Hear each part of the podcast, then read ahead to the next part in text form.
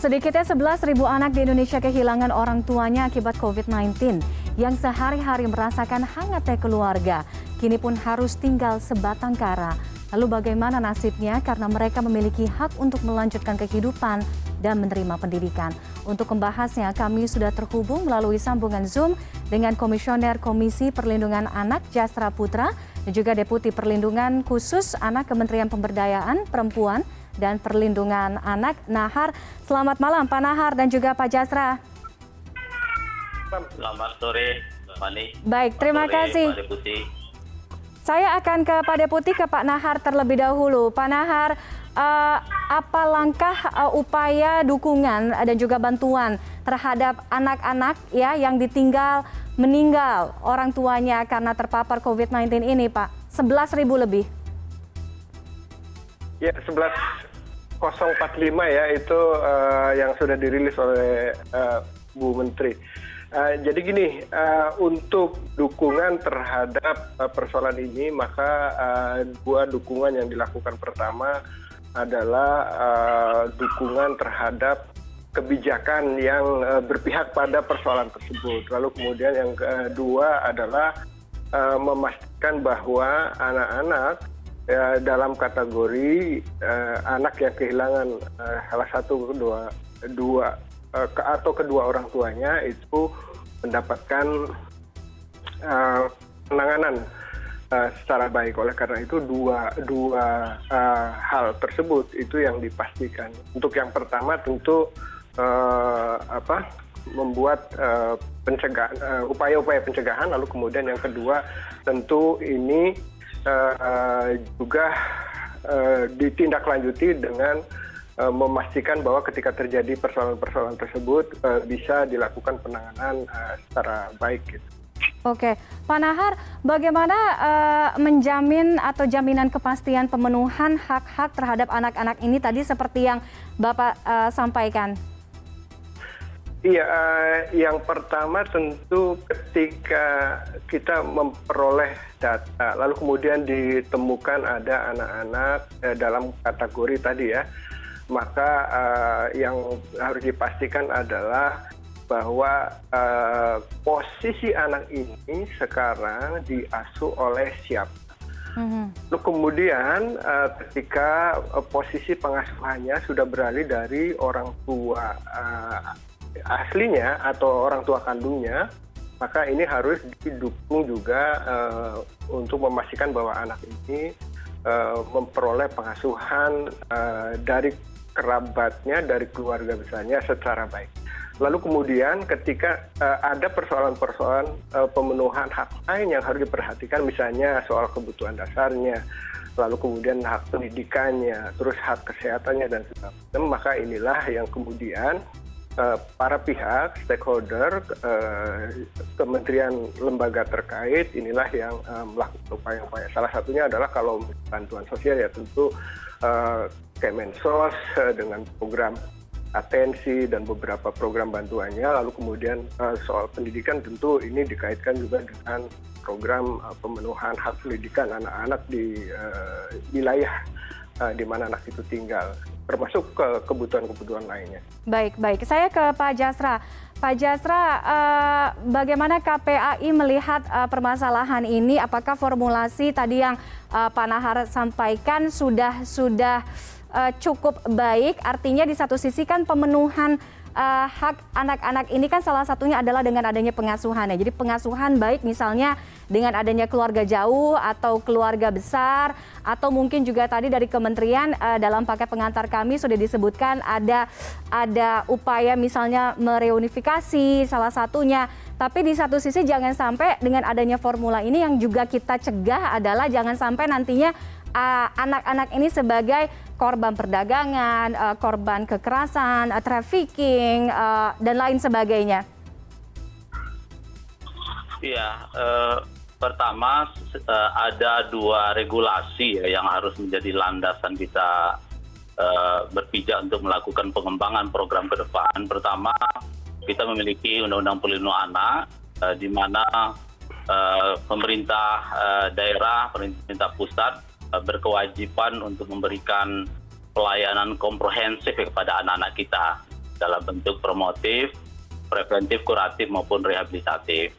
Kemudian yang kedua kita memiliki Undang-Undang Dasar pasal 8B ayat 2 di mana setiap anak berhak atas kelangsungan hidup, dan kembang, kita berhak atas perlindungan dari kekerasan dan diskriminasi.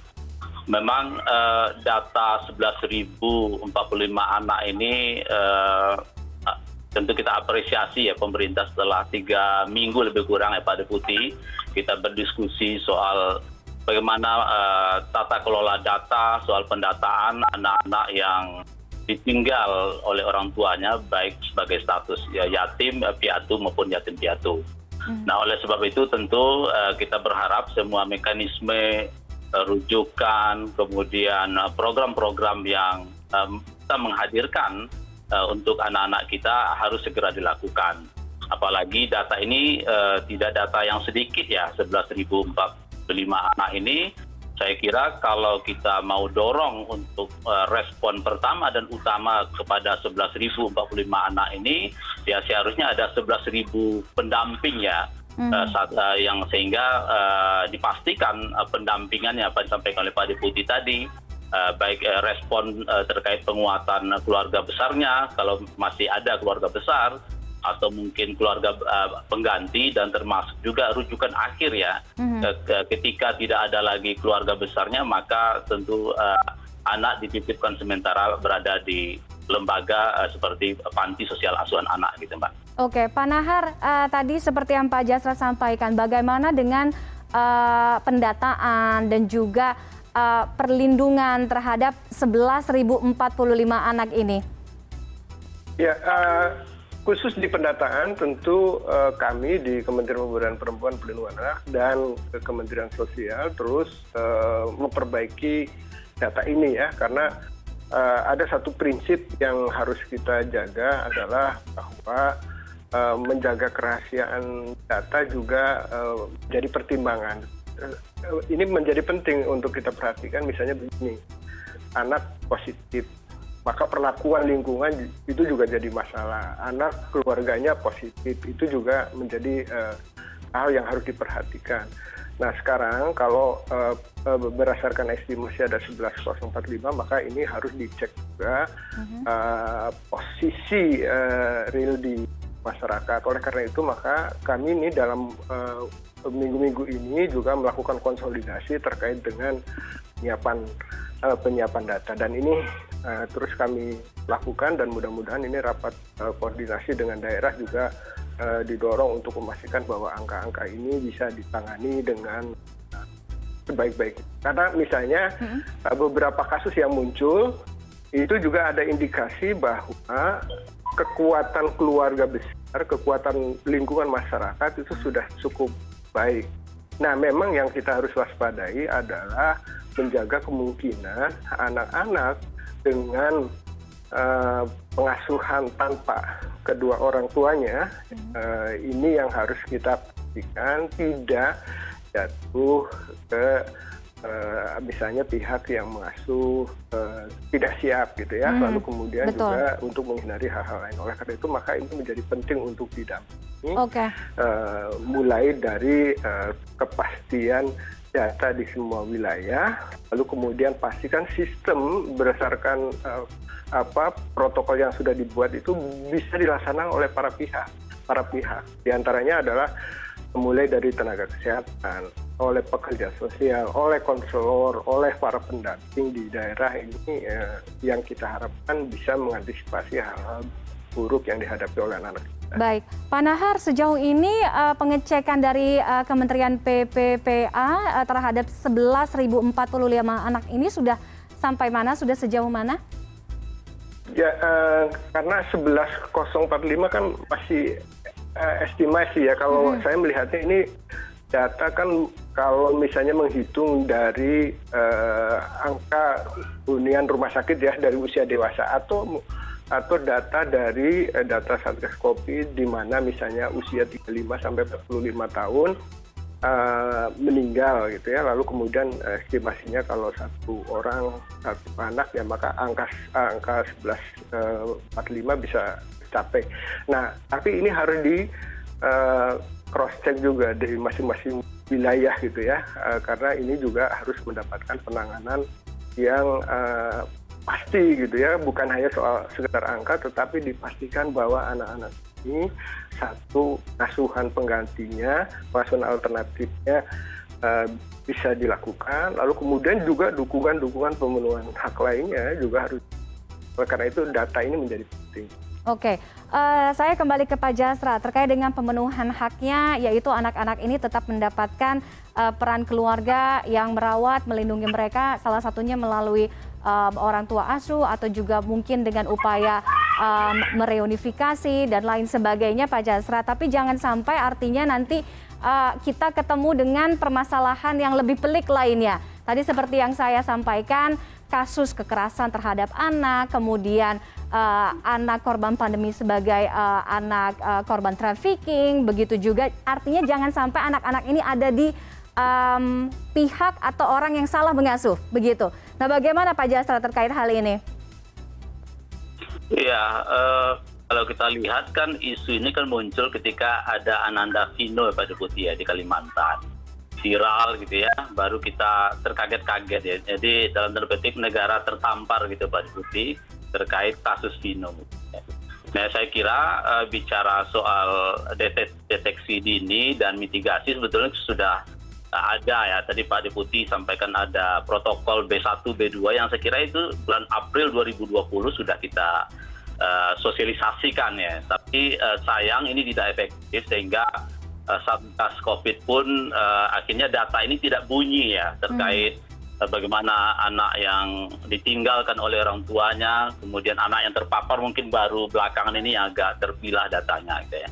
Nah oleh sebab itu tentu uh, sistem uh, perlindungan anak ini kan harus uh, apa mampu uh, berkomunikasi antara satu dengan yang lain gitu ya, pemerintah dan pemerintah daerah dengan masyarakat gitu dengan keluarga gitu ya sehingga kita meresponnya tidak pada situasi ketika ada anak viral, ada anak yang apa yang terlantar dan seterusnya. Nah, saya hmm. kira uh, 11.045 ini kalau mau ya harus dikerahkan seluruh sumber daya yang ada, harus 11.000 pendamping gitu. Memastikan bagaimana uh, kalau kita leveling apa uh, terkait asesmen itu hasilnya mana yang uh, darurat dan sangat darurat dan seterusnya sehingga penanganan cepat ini kan bisa kita lakukan gitu ya. Mm. Tapi kalau uh, apalagi hari ini kan Presiden sudah sampaikan di luar Jawa di sana kan terjadi peningkatan kasusnya. Nah, bagaimana respon-respon ini ya?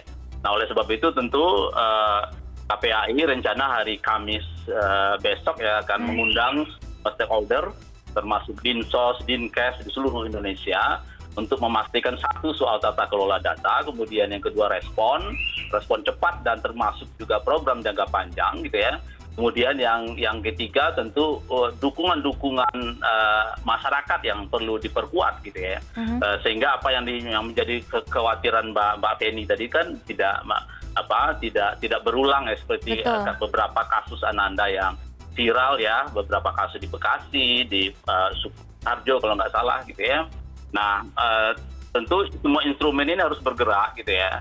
Uh, asesmen tetap dilakukan, uh, tapi respon cepat harus segera gitu ya karena ya di karena bantuan itu jangan identik dengan bantuan sosial gitu ya. Okay. uh, bantuan untuk menolong misalnya mungkin ya. Saya tiga hari yang lalu Pak Deputi mengunjungi anak yang di, anak uh, piatu ya. Ada tiga anak yang meninggal orang tuanya. Karena COVID hamil ya. Kemudian uh, uh, dia tujuh bulan melahirkan dan dua minggu setelah itu meninggal. Nah satu bulan setelah meninggal itu ya belum ada pendataan juga gitu ya eh, dari dinas pemberdayaan perempuan pelindung anak kota hmm. Depok atau dinas sosialnya gitu ya. Jika saya datang baru saya sampaikan baru mereka tahu. Nah eh, jadi eh, respon ini harus cepat ya. Mungkin pembatasan pembatasan ada, yang ada ya kita sadari gitu ya. Hmm. kondisinya harus aman dulu gitu ya bagaimana situasi covid dan seterusnya. Tapi kan di situasi komunikasi teknologi yang serba tersedia ini saya kira kan banyak hal dukungan-dukungan yang segera kita bisa bantu pada anak-anak yang terutama mungkin secara uh, uh, apa uh, dia sehat bisa tertawa dan seterusnya tapi ketika didalami didampingi digali secara psikis ya hmm. ya guncangan-guncangan yang dirasakan oleh anak-anak itu kan itu dampingan ya. jangka pendek maupun jangka panjang Baik. gitu mbak Oke baik, sebenarnya ini bukan permasalahan baru satu dua minggu. Tadi seperti Pak Jasra sampaikan, hanya karena mungkin salah satu pemicunya ada salah satu kasus anak yang kemudian viral sehingga tadi kalau kata Pak Jasra uh, pemerintah atau negara menjadi tertampar. Tapi kita kita uh, uh, bagaimana masalah ini seluruh pihak lembaga dinas terkait bisa saling berkolaborasi bekerja sama agar itu tadi ya tidak ada permasalahan terkait dengan mandeknya pendataan, pendistribusian dan juga perlindungan bagi anak-anak karena bagaimanapun ini adalah hak mereka. Terima kasih uh, Pak Jastra dan juga Pak Nahar sudah bergabung dengan CNN Indonesia Connected malam hari ini. Selamat malam Bapak-bapak, sehat selalu. Malam. Ya, malam Pak Deputi.